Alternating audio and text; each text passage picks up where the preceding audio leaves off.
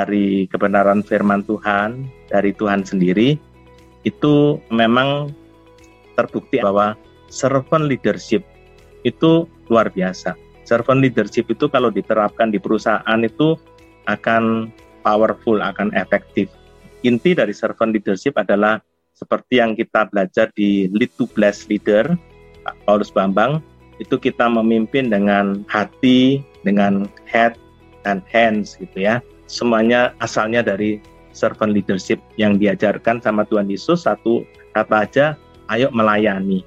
Ayo kita tidak menganggap diri kita seperti para raja-raja di dunia. Kita mau jadi terbesar, kita memerintah aja. Tapi siapa yang mau jadi terbesar di antara kamu, hendaklah kamu yang justru mau menempati tempat yang rendah, menempati tempat yang melayani. Dan kita sebagai pemimpin, kalau kita menerapkan seperti itu, pengaruh kita akan menjadi lebih besar, dan leadership itu sebetulnya tentang influence.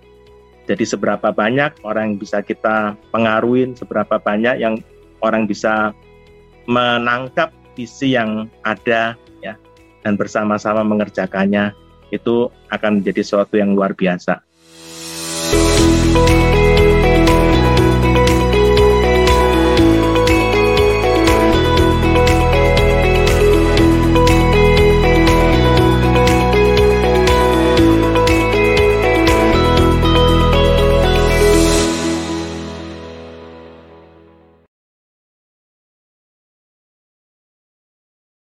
Latar belakangnya gini teman-teman. Berapa banyak sih teman-teman pengusaha yang mohon maaf gagal membawa timnya, gagal membawa usahanya keluar dari badai COVID. Apakah itu aja? Enggak. Nah, bagaimana kita para leader, para pemimpin bisa membawa tim, bisa membawa kapal kita lepas dari badai ini. Dan materi hari ini itu cukup provokatif. Artinya gini loh, kalau kita sebagai pemimpin, sebagai leader, sebagai nakoda, kurang bisa membawa atau menghandle situasi lautan ini dengan baik, ombak, kayak badai, kayak semuanya, ya pasti anak buahnya kan ambiar. Ambiar artinya apa? Tidak punya visi, pindah kerja, resign, demotivasi, kacau. Nah, ini ditinjau dari sudut Alkitabiah ditinjau dari sudut pengalaman Pak Tiki selama bekerja dan berprofesional. Materi hari ini cukup bagus. Nah, saya kenalkan dulu pembicara kita pada malam hari ini, spesial Pak Murtianta Santosa, atau disebut dengan Pak Tiki sebutannya. Beliau ini punya jabatan baru sekarang ini, Joyful Grandfather. Karena beliau ini merupakan kakek dari tiga orang cucu yang lucu-lucu dan pintar-pintar. Kemudian beliau ini juga sekretaris DPD Kebis Jatim Bali periode 2020-2025 dan beliau ini former dosen teknik elektro UK Petra sampai 2019. Artinya secara pengalaman dan background telepon diraguan rakyat. Pak Tiki, pertanyaan saya simpel. Kita tuh kan kadang sebagai pemimpin itu kan harus banyak belajar dan memiliki knowledge lebih ya. Karena kita memimpin anak buah, memimpin domba. Nah, kita kembali ke bisnis Pak Diki. Kalau bisnis kita tuh UMKM ya, seperti kami kan UMKM ya. Karyawan mungkin nggak banyak, 5 tujuh orang. Bisnis juga nggak banyak, kadang kita juga kerja nih. Nah, uh, kita kadang lupa untuk belajar atau upgrade diri. Ini gimana Pak Diki ya?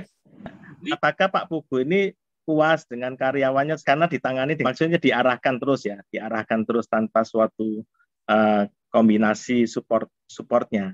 Maka ya hasilnya Terus kubu ini harus terima kalau ternyata karyawannya nggak naik-naik ya. Dan tentunya kalau kita sebagai pemimpin yang repot, coba murid-muridnya Tuhan Yesus tidak jadi dewasa, enggak, ya dia tidak bisa naik ke surga terus di sini meskipun sampai tahun-tahunan.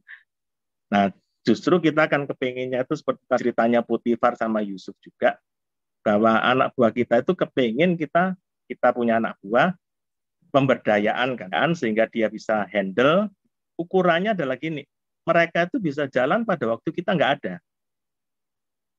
Jadi tolok ukur keberhasilan kepemimpinan kita kepada anak buah adalah pada waktu kita nggak ada. Dia bisa handle dan dia bisa jalan. Nah jadi saya ingat dengan pembicara kita di camp sukses sejati yang namanya Pak Heru. Itu dulu dia cerita juga. Dia merasa kalau dia nggak ada di restorannya, anak buahnya itu ambiar. Nah, tetapi setelah ditangani oleh Pak Heru, Pak Heru nggak ada, anak buahnya bisa handle gitu ya. Nah, itulah yang, yang dia lakukan ya, dan ini semuanya tentunya hasil dari prinsip-prinsip KBC yang diterapkan oleh Pak Heru. Sama seperti Tuhan Yesus juga dari awal tuh menyatakan visinya, goalnya. Harus di, diingatkan, kamu ini mau jadi penjala manusia, bukan penjala ikan gitu ya. Dan buku ini situational leadership ada petunjuk juga bahwa pemimpin itu sama seperti yang diajarkan Pak Paulus Bambang di L2B, kita tuh memimpin dengan tiga hal. Heart, hati, kemudian head, ya, sama hand, gitu. Nah, ini tiga ini yang dilatihkan di dalam buku ini dan membentuk satu habit. Sehingga memang pemimpin itu akhirnya walaupun sudah delegasi seperti yang Tuhan Yesus itu sudah delegasi, sudah kamu beritakan ke seluruh dunia menjadikan semua bangsa muridku. Tapi Tuhan Yesus tetap bilang, aku menyertai kamu. Sehingga walaupun sudah delegasi, tetapi heart-nya, heart-nya itu sama head-nya itu juga tetap tetap mikirin. Karena delegasi itu bukan ngeculno terus dikelemprakno gitu ya, bukan. Itu enggak bukan delegasi itu namanya. Ya itu lempar monyet. Itu kita sering sering guyonan ya ya lempar monyet ya lempar monyetnya udah dikasihkan seseorang sudah kita nggak perlu mikirin tapi kalau delegasi itu adalah satu bentuk bahwa ya kita seneng dah ada orang-orang yang sudah menjadi sama seperti kita yang ngerti tentang visi tujuan dan dia bisa handle dan kita tetap sebagai partner partnershipnya itu tetap jalan. Saya rasa dengan mindset seperti ini maka untuk menangani tim yang berbeda-beda kita bisa partneran gitu ya. Kemudian kita bisa nge-switch juga. Ya sekarang orang ini yang pernah kamu tangani sekarang tukar ya kamu menangani yang saya tangani dan dan itu akan membentuk satu circle yang makin lama orangnya jadi makin banyak yang dalam tim itu.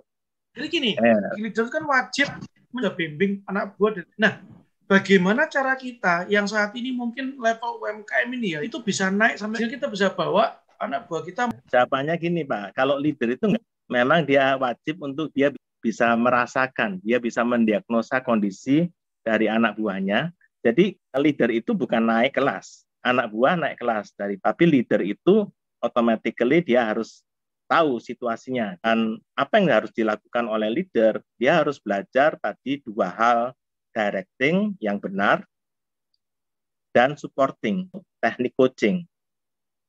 Ya, karena supporting itu pertama itu adalah kemampuan mendengarkan.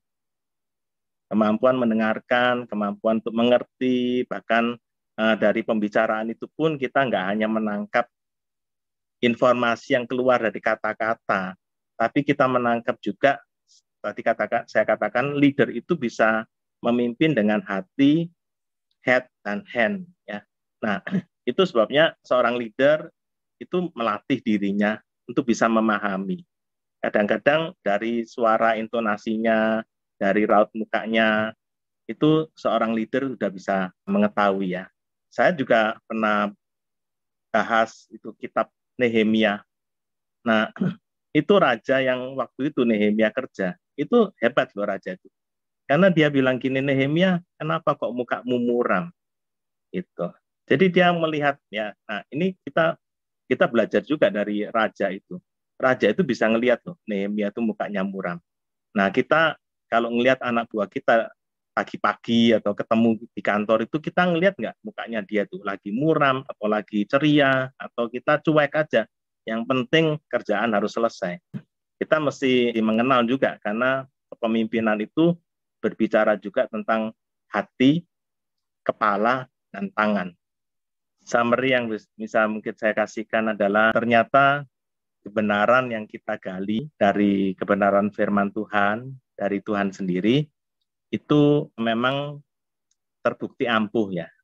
Jadi kita belajar juga saya saya mengikuti beberapa perkembangan di ilmu-ilmu manajemen.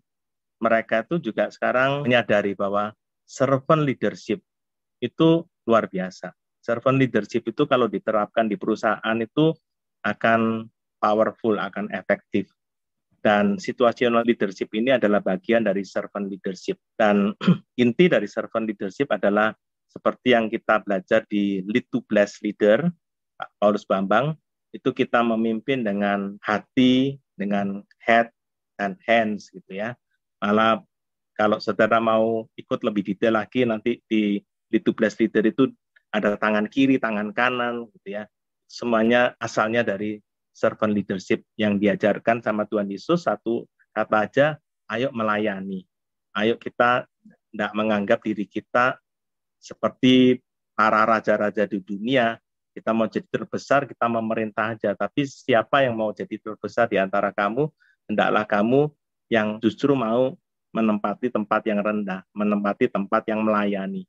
Dan kita sebagai pemimpin, kalau kita menerapkan seperti itu, pengaruh kita akan menjadi lebih besar, dan leadership itu sebetulnya tentang influence. Jadi seberapa banyak orang yang bisa kita pengaruhin, seberapa banyak yang orang bisa menangkap visi yang ada ya dan bersama-sama mengerjakannya itu akan menjadi sesuatu yang luar biasa.